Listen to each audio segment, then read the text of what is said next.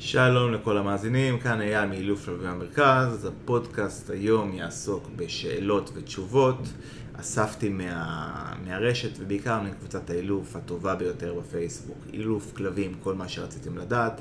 מבחר שאלות שזכו להרבה עניין ולטראפיק גבוה, ועניתי עליהם.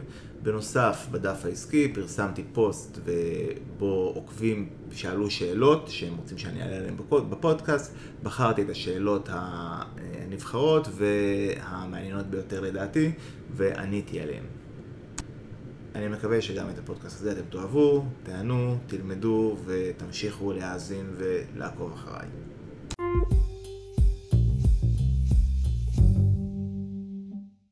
שאלה ראשונה קיבלתי אתמול גור מגזע רועה בלגי.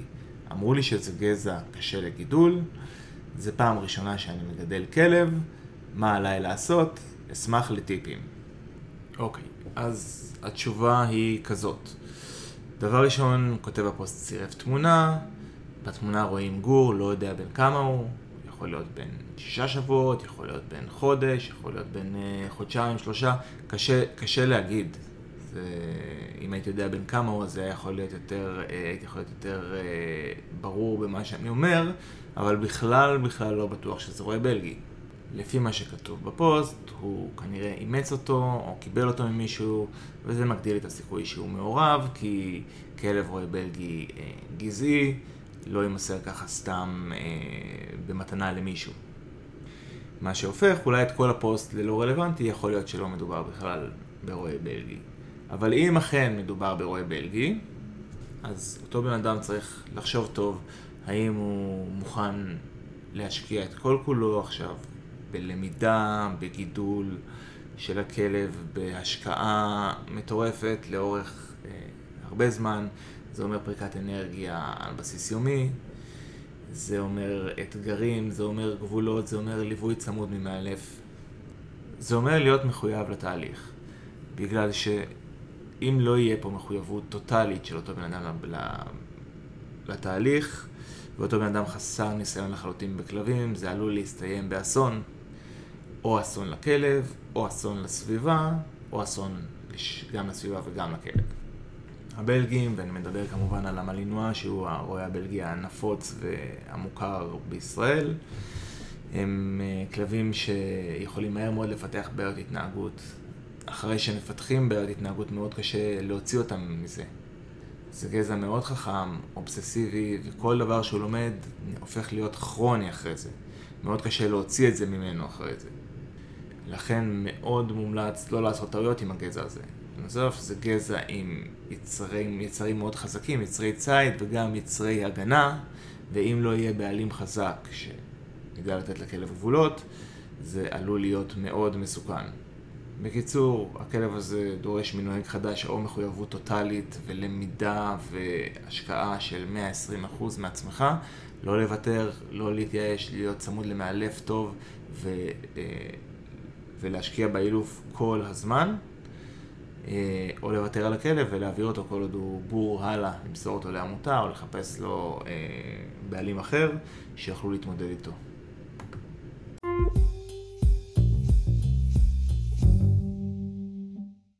שאלה שנייה, הכלב אצלנו חמישה ימים, הוא נשאר ארבע שעות לבד כל יום, וזאת התוצאה. רואים תמונה עם בית הפוך ומלא דברים הרוסים. אה, עצות. טוב, אז דבר ראשון, כשמאמצים כלב חדש, אני ממליץ לעשות את זה ביום חמישי. לקחת חופש, אה, שישי-שישי, ולראות שיש לנו את שישי-שבת, בשביל לתת לו להתאקלם בבית. מעבר לעניין של יצירת קשר ולהרגיל אותו לטיולים ולתת לו אוכל מהיד ולשחק איתו ולתת לו להתרגל אליכם בצורה חיובית ולסביבה, יש עוד אלמנט מאוד חשוב, ואולי הכי חשוב כשמביאים כלב בפעם הראשונה. להרגיל אותו להיות לבד.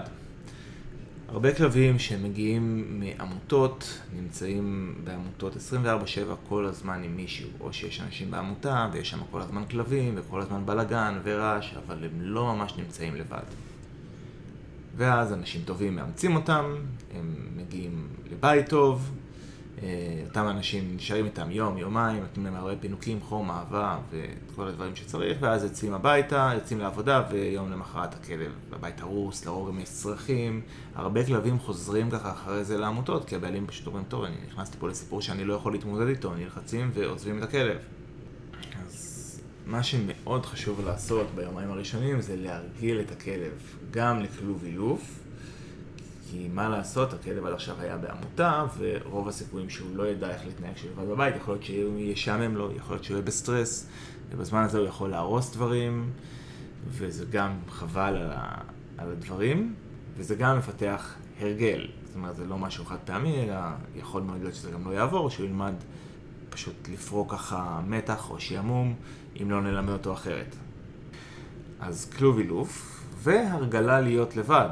שזה לא פחות חשוב, ובתור התחלה כדאי לעשות את זה בנפרד מהכלוב אילוף. זאת אומרת שאנחנו אה, שמים אותו מחוץ לחדר, ואנחנו נכנסים ויוצאים.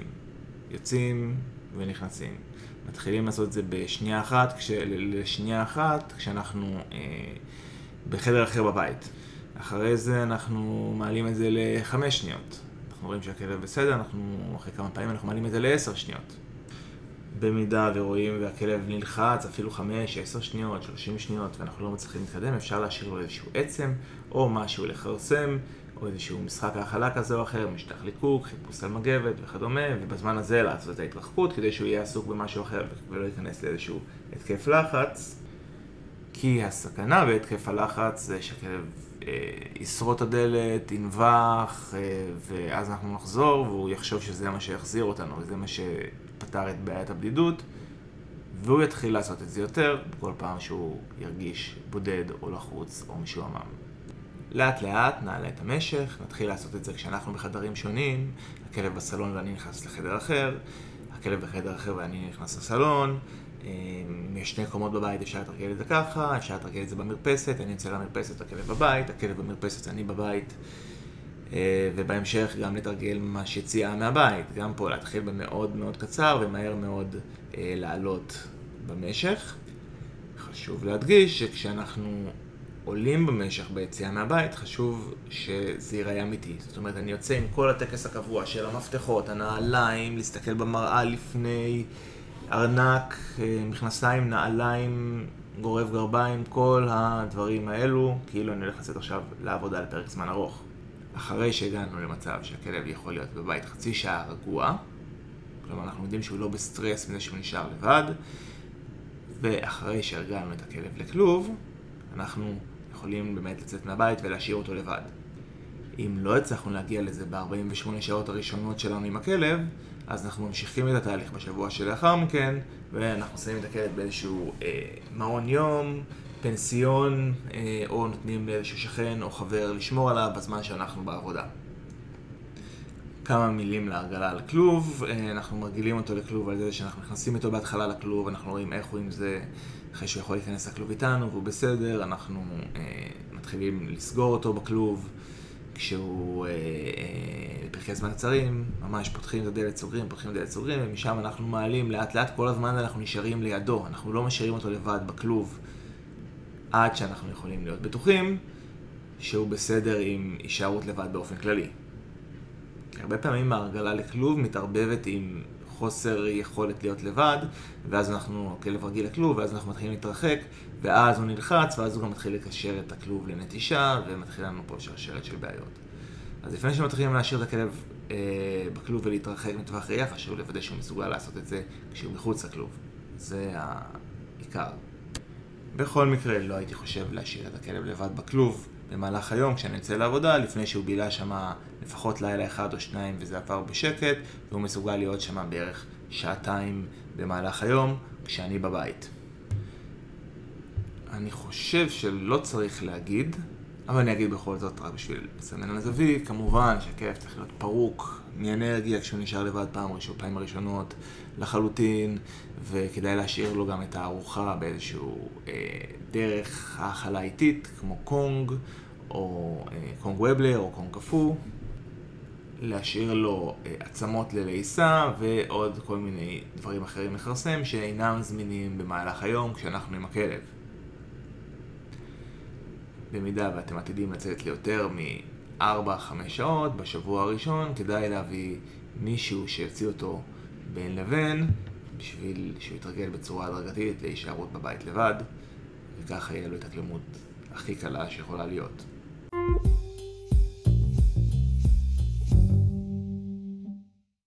פוסט נוסף שגם הגבתי עליו, שמשך את תשומת ליבי, אני כמובן אתן תגובה יותר מפורטת ויותר אה, מעמיקה פה, אה, הוא כדלקמן.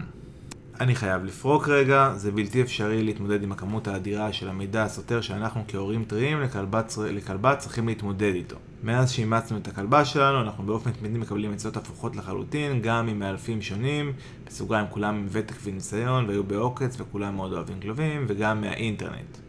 ואז הוא מפרט כמה דוגמאות, אה, שאלנו מאלף מה לעשות כשהכלבה בוכה בכלוב, והוא אמר לנזוף בה, הייתי סקרן, גם בדקתי בגוגל ובאתר מסוים היה כתוב להתעלם ולא לנזוף. לעומתו, אה, באתר אחר, נאמר בשום פנים ואופן אה, לא להתעלם, אלא לבוא ולהרגיע אותה. דוגמה נוספת, אחד אמר לנו לתגמל אותה בחטיפים כשהיא עושה מה שמבקשים ממנה, וכשהיא מרוכזת בנו בהליכות, וכשהיא באה אלינו, ומאלף אחר אמר לא לתת לה חטיפים כש... אה, אה, ולתגמל אותה כמעט אף פעם. באינטרנט נתקלתי בסרטונים שאומרים כך ואחרת. ואז הוא באמת מתאר שכל הסיטואציה וכל המצב שהוא ממש מרגיש חסר אונים, וזה הכניס אותו לחרדות, כי הכלבה באמת מאוד יקרה להם, ומאוד, אה, הפוסט הזה מאוד נגע לליבי, ואני חושב לליבם של הרבה אנשים שהם מרגישים אותו דבר, ואני מתאר לעצמי שאם לא הייתי איש מקצוע, הייתי היום בדיוק, והייתי מאמץ כלב חדש, הייתי בדיוק בנעליים של כותב הפוסט. בהמשך הוא מתאר שהם הציעו אלפי שקלים על אילוף, והם עדיין לא בטוחים אה, אם הם עושים לה טוב או בעצם עושים לה נזק. בקיצור, פוסט מאוד נוגע ללב, באמת, והוא נוגע בדיוק בנקודה שהיום, עם כל ההצפה של המידע וכל ה...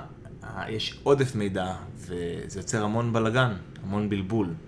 לדוגמה, רק מהשאלות שכותב הפוסט הציג, אני יכול להגיד שאפילו אני הייתי יכול לענות כל תשובה בסיטואציה מסוימת. אחרי שהרגלנו את הכלב לכלוב, כמו שתיארתי מקודם, והרגלנו את הכלב או את הגור להישארות לבד. במצבים מסוימים ועם כלבים מסוימים אני אמליץ לעשות תוצאה לא רצויה בשביל להפסיק את הנביחות, ובמצבים מסוימים, עם כלבים מסוימים, אני אמליץ להתעלם עד שהנביחות ייפסקו. זה מאוד תלוי. יש כלבים שיכולים להיכנס ללופ של נביחות או סחיטות של הכלוב, ואם אנחנו נקטע את זה באמצעות תוצאה לא רצויה, באמצעות ענישה, אז הבעיה תיפתר, תיפתר בעיה רצינית וייפתר הרבה, ותיחסך הרבה עוגמת נפש לכולם. פשוט, זה פשוט יסתדר. ובמקרים אחרים עדיף לקחת את הזמן, לתת לגור להירגע לבד, להרגיע את עצמו, ולאחר מכן לתגמל אותו על הרוגע. גם אם אני אבוא ואנזוף בגור, דרך אגב, כמו שהוא כתב, זה עלול רק לעשות נזק, בגלל שהגור בעצם יקבל יחס ככה, והוא בעצם ינבח עוד יותר, כי הוא רואה שזה מביא אותי. לכן אם אני מגיע, אני צריך כבר לעשות משהו שיבהיל אותו, כמו למשל אה, לדפוק על הכלוב קצת, לנער את הכלוב וכדומה. בקיצור, מה שאני אומר זה שאילוף כלבים זה עסק מורכב, זה תלוי בכלב הספציפי, המון דברים יכולים להשתנות בכל רגע נתון, ולכן ייעוץ מה, אה, מהאינטרנט, או דרך מאמרים, או דרך פוסטים או סרטונים, הוא לא תמיד מספיק עמוק ומקיף, וצריך להיות שם בשביל לדעת בדיוק איך להגיב. בנוסף, בואו לא נשכח שיש גם גישות אילוף שונות. יש את הגישה החיובית בלבד, ויש את, את הגישה שטוענת שצריך לעבוד בכל השיטות בהתאם למה שנכון לכלב. הגישות האלה, למרות שהגישה המלאה כוללת בתוכה גם את הגישה החיובית, התפיסת עולם שונה לחלוטין בין הגישות, ולכן אין טעם בכלל לנסות לקבל ייעוץ או לקרוא מאמרים של מישהו ש... שמאמין באג'נדה החיובית בלבד, כשאתם עובדים אה, בכל השיטות ומאמינים שגם אפשר לתקן, ולהפך, אם אתם עובדים באג'נדה חיובית בלבד, אין לכם מה אה, להסתמך על מידע שבן אדם שדוגל בכל, ה, אה, בכל השיטות, בשיטה הקלאסית, אה, מייעץ ומספק. הרבה אנשים הגיבו להם בתגובות לפוסט שהם צריכים למצוא את המאלף שהם מתחברים אליו ושהם מאמינים בגישה שלו, ואני אמרתי, ממש לא. זה לא המאלף שהם מתחברים אליו, וזה לא המאלף שהם מאמינים בגישה שלו, בגלל שהם מעידים על עצמם שהם חסרי ידע וחסרי אה, הבנה מספקת. וזאת הסיבה שהם צריכים מאלף, ולכן אם הם ימצאו את המאלף שהם מתחברים אל הגישה שלו והם חושבים שמה שהוא אומר בהכרח יותר מדבר אליהם, זה לא אומר שום דבר לגבי האם הוא צודק או טועה, או האם הוא מתאים אה, אה, לכלב, או האם האילוף יצליח. בשביל זה בדיוק יש גם את המדריך לבחירת מאלף, שזה הפודקאסט האחרון שהוצאתי, הפודקאסט הקודם. אה, מי שרוצה מוזמן לקרות, אה, להקשיב לו, ומי שנתקל בסיטואציה של בן אדם שמחפש מאלף, כדאי שיפנה אותו לפודקאסט הזה, זה יכול מאוד לעשות לו סדר. אחרי שמצאנו מאלף בצורה נכונה, כפי שהמלצתי בפודקאסט הקודם, כל הקריטריונים לא ניכנס לזה עכשיו, אז כדאי ללכת רק לפי מה שהוא אומר. יחד עם זאת, עדיין אני מאוד אוהב שהלקוחות שלי בודקים, קוראים, אני כל הזמן מעודד אותם, אני מפנה אותם לדפים ולאתרים של מאלפים מחו"ל, למידע אחר, אה, כי לא משנה מה, אני לא אספיק בשש פגישות שיש לי איתם, אולי לפעמים אפילו פחות, לתת להם את כל החומר שצריכים. זה שהם קוראים לבד ולומדים לבד ורואים לבד, נותן להם ערך מוסף אה, מדהים. אבל אני שם בשביל להכווין אותם, להיות המגדלור שלהם, כמו שכתב, כמו שאמרתי בתגובה, להאיר להם את הדרך, להגיד להם מה המידע הנכון ומה לא, ועל מה הם יכולים להסתמך ועל מה לא. ואם יש לכם את ה, או את הידע הבסיסי של מה נכון ומה לא, או אם יש לכם מישהו שאומר לכם, שאתם סומכים עליו והוא מכווין אתכם ומראה לכם את הדרך, אז בהחלט כל העודף מידע הזה שיש ברשת, כל המידע המטורף הזה, רק יכול לעזור לכם ולהעשיר אתכם ולהפוך אתכם לבעלי כלבים טובים הרבה יותר ממה שהייתם יכולים להיות, אם הוא לא היה קיים. ולעומת זאת, אם אתם לא יודעים להבדיל בין נכון ללא נכון, בין עיקר לטפל, בין מה להתעלם וממה לקחת מכל העצות וכל המידע וכל התוכן המטורף שיש, זה בהחלט, יכול להיות הרסני וליצור את מה שכותב הפוסט, מתלונן עליו. גם דרך אגב, אם אתם עובדים לבד ואתם רוצים ללכת את הכלב בעצמכם, תמצאו את המאלפים שאתם סומכים עליהם, שאתם מאמינים להם, אה, שאתם בטוחים שהם יודעים, תעקבו אחרי המידע שלהם, והמידע שלהם יראה לכם את הדרך.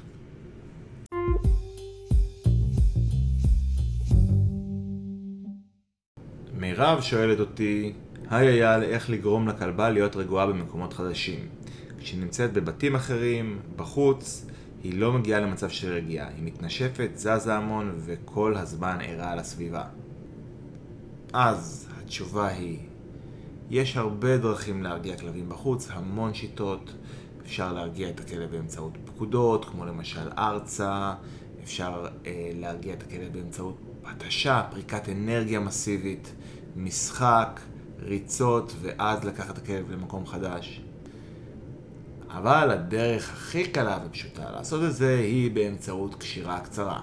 סתם לדוגמה, אתם הולכים לבית קפה עם הכלבה שלא יודעת להירגע בחוץ, אתם קושרים אותה לכיסא עם קשירה קצרה. קשירה קצרה זה אומר קשירה של 20-30 סנטימטר. לא יותר מזה. אם זה לא תהיה קשירה ממש קצרה, זה לא ייתן את אותו אפקט. וזהו. זה הרבה פעמים עוזר לכלבים להירגע, ועוזר לנו פשוט להכניס לכלב למין מצב של hold, למין מצב של stop, של עצור, של הירגעות, ממש כמו שקורה עם כלבים מסוימים כשהם נכנסים לכלוב אילוף. רק חשוב לוודא שהכלב רגוע בקשירה כי הוא מתחיל להשתולל בקשירה, אז זה לא ייתן אותו אפקט, אבל עצם העובדה שהקשירה היא קצרה מאוד, זה לא מאפשר לו יותר מדי להשתולל, וגם אם הוא ישתולל הוא מהר מאוד יירגע. חשוב להרגיל את הכלב למצב של הקשירה מבעוד מועד, זאת אומרת בבית, להתחיל אה, לקשור אותו לידכם כשאתם רואים טלוויזיה, או אחרי זה לקשור אותו בכל מיני מצבים בגינה, כשאתם יושבים ושותים קפה, או קוראים עיתון, או נמצאים בפלאפון, אה, או במרפסת, ולהרגיל אותו למקומות שונים ברמת גירוי נמוכה, להיות קשור בקשירה למספר דקות. אפשר להשתמש גם באוכל בזמן הזה, ורק אחרי זה, זו הרגלה די פשוטה, ורק אחרי זה אה, אפשר להתחיל להשתמש בזה בפועל. קשירה קצרה זה ממש משהו אדיר.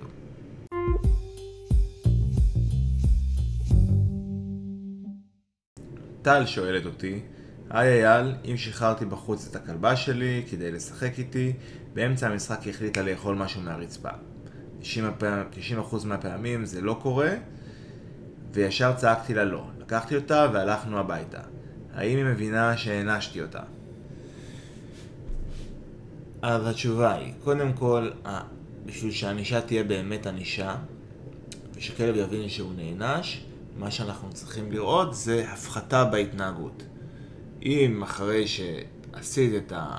נתת לכלב תוצאה לא רצויה עבור ההתנהגות, ההתנהגות באותה סיטואציה פוחתת, זאת אומרת שפעם הבאה שהיא תראה אוכל מהרצפה, הסיכוי שהיא תיגש אליו יצטמצם משמעותית, סימן שהיא הבינה.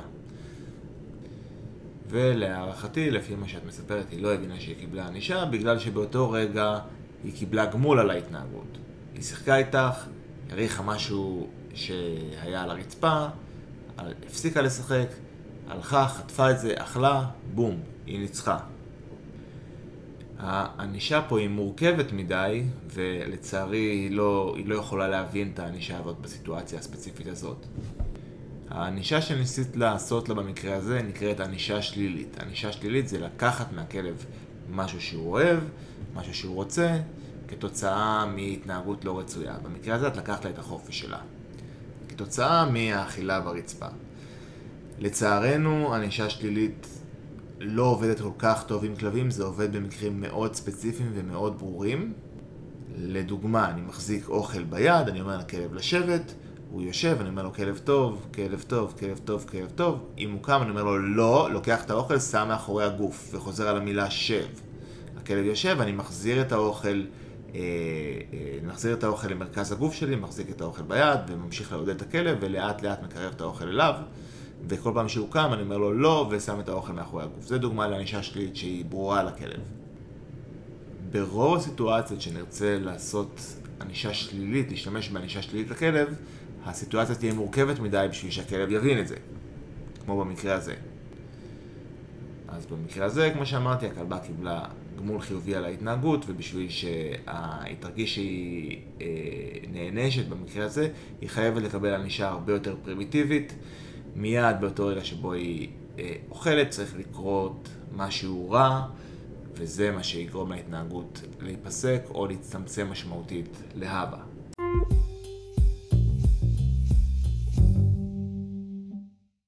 עכשיו אני אגיב לכמה שאלות שנשאלו בדף העסקי שלי בפוסט שפרסמתי לגבי הפודקאסט הזה.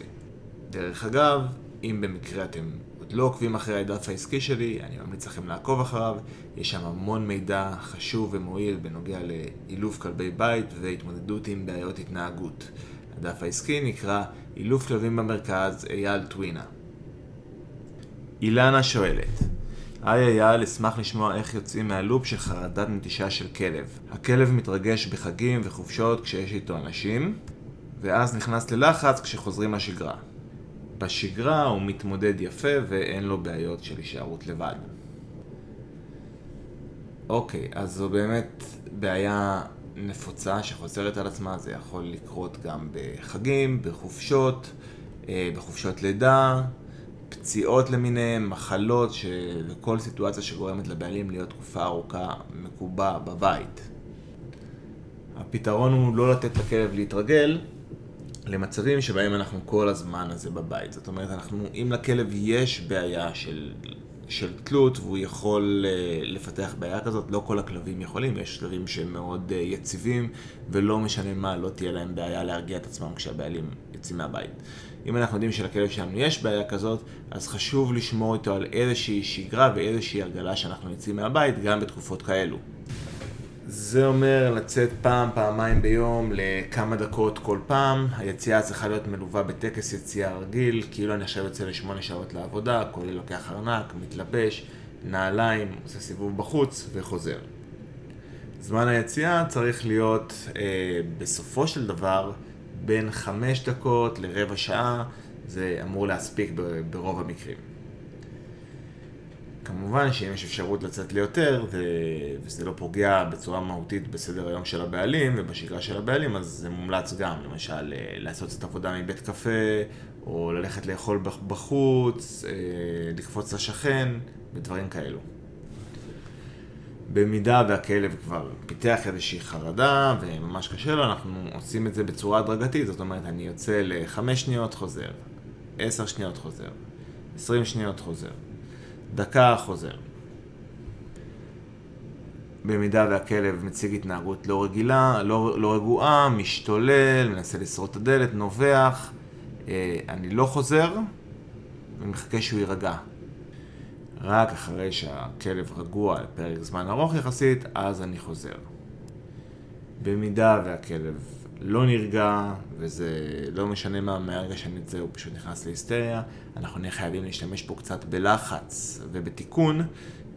ברגע שהכלב אה, נובח או משתולל, אנחנו נחזור ואנחנו נתקן את הכלב ונעשה איזושהי התנהגות לא כל כך נעימה כדי שהכלב לא ישתולל ולא ירצה להחזיר אותנו. כמובן, בשביל לעשות דבר כזה צריך לדעת איך לתקן, צריך לדעת איך לפתח את הטיימינג ואיך לעשות את זה בצורה נכונה, לא משהו שאני יכול להיכנס אליו בפלטפורמה הזאת. ומה עושים במידה ומסיבה כזו או אחרת אין אפשרות לצאת מהבית על בסיס אה, יומי ל-15-10 דקות כל יום בשביל הכלב, זה פשוט פוגע יותר מדי בסדר יום של הבעלים, מה עושים אז? אה, במידה ויש איזושהי מרפסת בבית, במיוחד אם זה בית חדש יחסית עם חלונות אטומים לרעש, אז מאוד uh, מומלץ להרגיל את הכלב להיות במרפסת ושיהיה כמה שעות ביום, כמובן בשעות שהן לא חמות במיוחד, ולהשאיר לכלב מים וצל, uh, ושיהיה מספר שעות ביום במרפסת. מומלץ גם לסגור את התריסים, וכמה שהמרפסת יותר מבודדת ויותר רחוקה ויותר צדדית ממקום המרבץ העיקרי של הבעלים, לרוב הסלון, ככה זה יהיה יותר טוב. במידה ואין מרפסת אה, פנויה, רצוי חדר צדדי אחר, רחוק ככל האפשר מהמקום המרכזי בבית, למשל איזשהו ממ"ד, אה, רצוי גם שהחדר, להשאיר את החדר, אה, את החדר עם חלונות פתוחים, החדר, החדר שבו נמצא הכלב. אולי אפילו גם איזשהו מאוורר שימסך רעשים, אפשר גם איזושהי מוזיקת רקע, ורצוי כל הדברים ביחד. כדי שהכלב ממש ירגיש כאילו הוא נמצא לבד. זה כמובן לא תחליף לדבר האמיתי, ורצוי כן לעשות יציאות, אם אי אפשר כל יום, אז כמה שיותר במהלך השבוע, וכן להוסיף לשגרת היום גם זמני בידוד בחדר נפרד או במרפסת, זה גם יכול לעזור ברמה מסוימת. כמה, שוב, כמה שהחדר אה, או המרפסת יהיו יותר מבודדים, ככה זה יהיה יותר אפקטיבי. חשוב להרגיל את הכלב לחדר או למרפסת, בצורה הדרגתית, בדיוק כמו שהם מרגילים אותו אה, להיות לבד בבית כשאנחנו יוצאים, כפי שתיארתי מקודם. מומלץ לשמור על שגרת טיולים דומה לשגרה שאמורה להיות לו בחיי היומיום, כנ"ל לגבי אה, פריקת אנרגיה, ובאופן כללי לנסות לשמור על סדר יום כמה שיותר יציב. לפני החזרה לשגרה, כדאי להרגיל אותו לזה בצורה הדרגתית. זאת אומרת שאז כן ישתדל לעשות יציאות של כמה ימים לפני החזרה לשגרה, נקפוץ לחבר לאיזה חצי שעה או לשכן, ואחרי זה נלך לארוחת ערב בחוץ לכמה שעות, ואחרי זה נלך לבקר את סבתא, או דברים כאלה, ונרגיל אותו לזה בצורה הדרגתית, ולא ישר נעלה לשמונה שעות שהוא נשאר לבד. ביום שהכלב כן נשאר לבד, נשאיר לו את ארוחת הבוקר בדיוק ברגע שאנחנו יוצאים מהבית, ועצם ענקית לכרסם. וכמובן נעשה טיול בוקר גדול שכולל פריקת אנרגיה די מסיבית.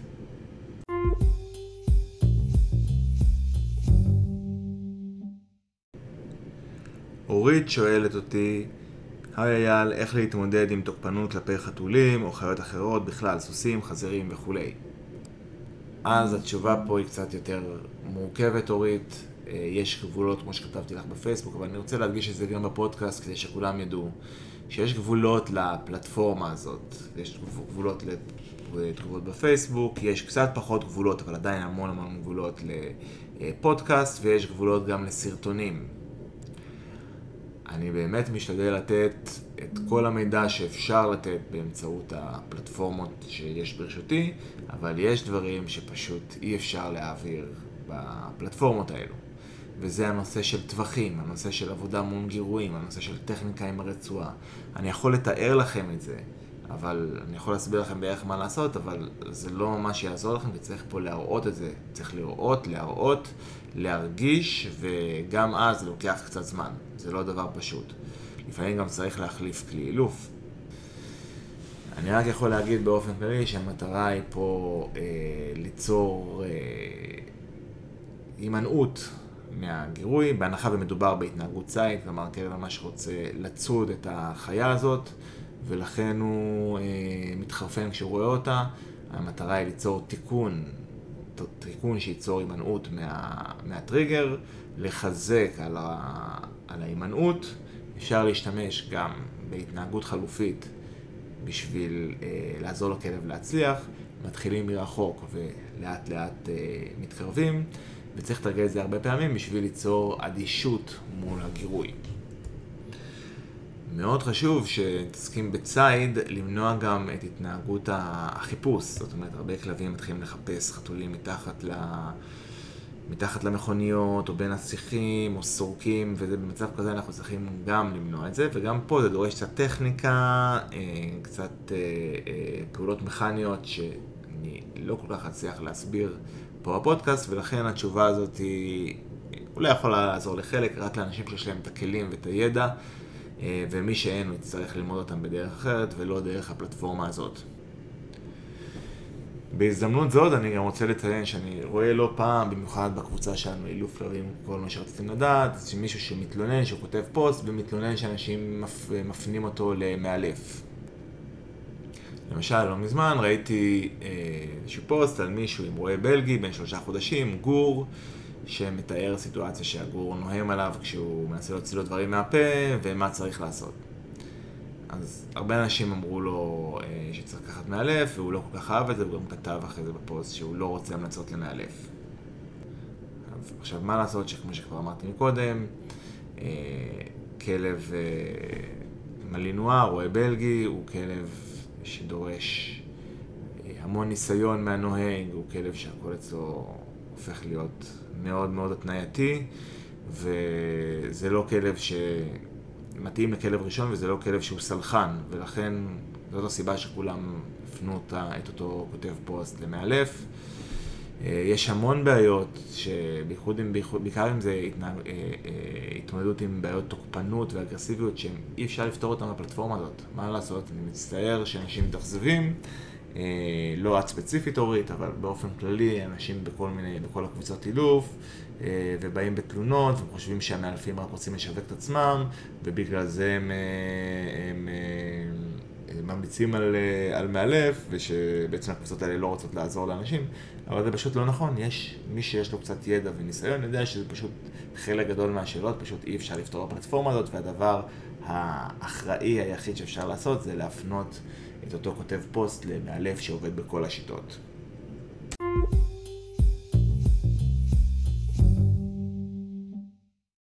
את השאלה הבאה, יותר נכון, הרעיון הציע מקס בדף העסקי שלי, וזה הולך ככה.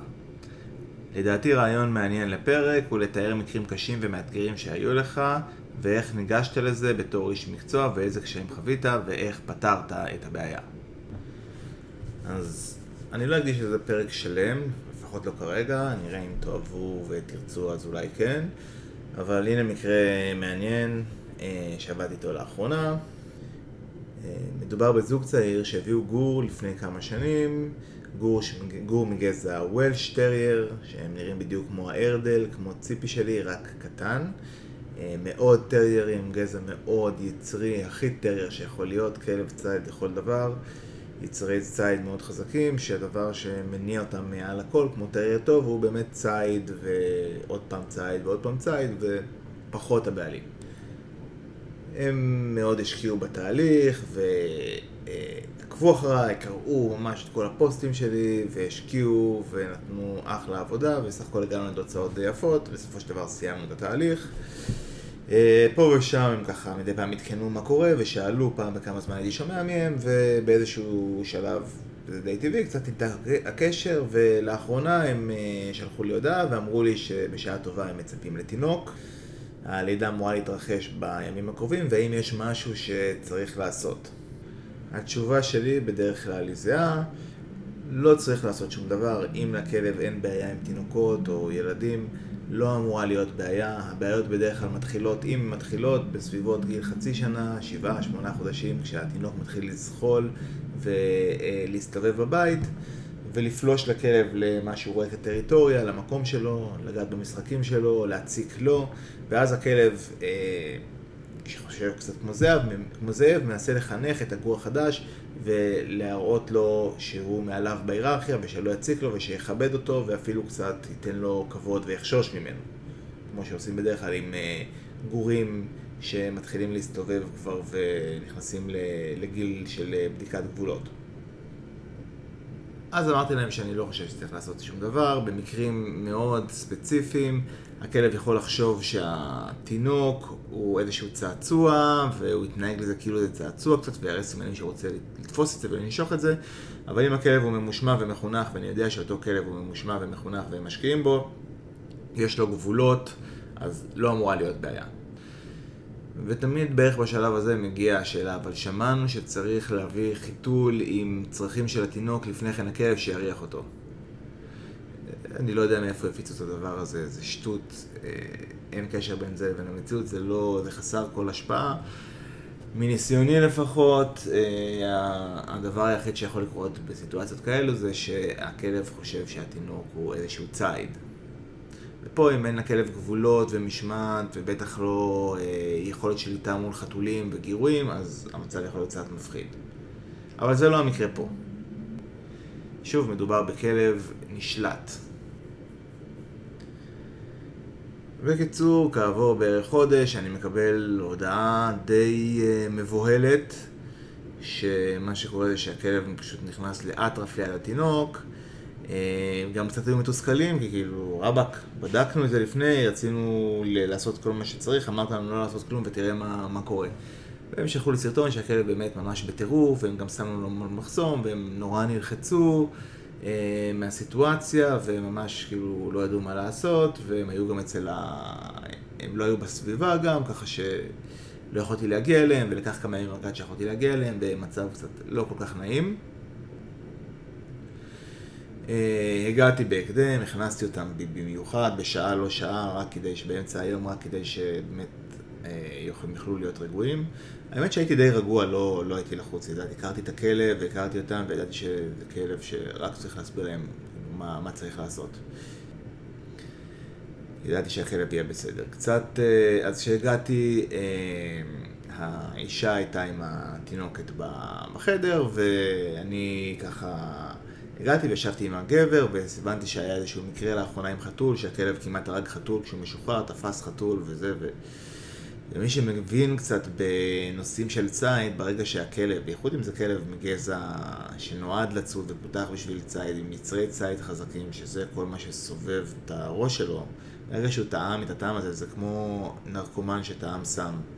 אה, זה תמיד שם וזה הדבר האמיתי, אין לזה תחליף. אז כמו שחשבתי, זה מדובר במקרה שהכלב רואה את התינוק כציד, רק שהכלב הזה היה לו כבר ניסיון בציד, הוא כבר כמעט הרג חתול, וזה ממש כנראה היה משהו שהוא קצת יותר, אה, יותר קיצוני מה, מהרגיל. אה, מפה לשם, אה, בזמן שהאישה הכילה את התינוקת, אני עבדתי קצת עם הגבר על עבודה עם צעצועים, הוצאתי איזשהו צעצוע פרוותי שממש נראה כמו איזשהו ציד, החזקתי אותו כמו תינוק, ואמרתי לגבר לעשות כל מיני uh, תרגילים. התרגילים היו תרגילים של הימנעות ואפס עוררות ליד הציד. אני מצפצף ומתנהג כאילו יש לי תינוק ביד, אה, מצפצף את הצעצוע ומזיז אותו ככה בתנועה בצורה שתדליק את הכלב, אבל כאילו אני מחזיק תינוק. והבעלים שם את הכלב בארצה. בארצה, וכל התזוזה הכי קטנה מהארצה, נהנית פה בתיקון משמעותי. התחלתי לזוז עם, ה... אה, עם האובייקט, עם הציד, והבעלים דרש מהכלב להתעלם. כל ניסיון אה, לשבור את הכלים ולרוץ לכיוון הציד, אני חושב שלא, לא, לא, לא זוכר בכלל היה ניסיון כזה, אני חושב שאולי פעם אחת זה קרה, אולי בכלל לא, אני לא כל כך זוכר, אבל זה רק הנושא שיותר של פשוט לדכא את יצר הציד ברגע שהכלב כל תנועה שלי הכלב מיד נכנס לארצה וזה עבד ממש טוב, בהתחלה היה קצת קשה, כמה דקות, ואחרי זה הכלב הבין את העניין, נכנס להימנעות מהציד, הבין אוקיי זה לא משחק, וזהו, פה זה נגמר. אחרי זה המשכנו קצת בשיחה קצרה, ואחרי זה אה, האישה הגיעה עם התינוקת, ועבדנו, והכלב היה בסדר עם זה לגמרי, כי פשוט, פשוט התייחס לזה כאל צעצוע. אה, כמו שחשבתי, רק שכנראה הפעם זה היה קצת יותר אה, חזק מהרגיל, אבל ברגע שהסברנו לו את הנושא מול צעצועים, אה, זה... לא הייתה בעיה, כי הבין, אה, אוקיי, זה לא, וזהו, מאז לא שמעתי מהם, כך שאני מניח ש... שהכל בסדר. אז אה, בקיצור, העניין הוא שכל עוד אין הכלב שלכם, כל עוד הכלב שלכם רגיל אה, לתינוקות, והוא מגיב בסדר לתינוקות, ולא הייתה עם זה איתו בעיה אף פעם עם תינוקות, והוא היה ליד תינוקות, אין לכם מה לדאוג אה, בנושא הזה, ואם הכלב יש לו איזושהי בעיה עם חיות, או שהוא חסר שליטה לחלוטין ליד צעצועים ויש לו יצר ציד גבוה, אז כדאי לפני שהתינוק מגיע, וזה לא יום יומיים לפני, אלא זה כמה חודשים לפני, לעשות את העבודה חזקה על משמעת, משמעת מול משחקים, משמעת מול ציד, גבולות, אה, וכל הנושא הזה שקשור להתנהגות סביב הציד, כי יש סכנה שהכלב יראה את התינוק כאיזשהו ציד.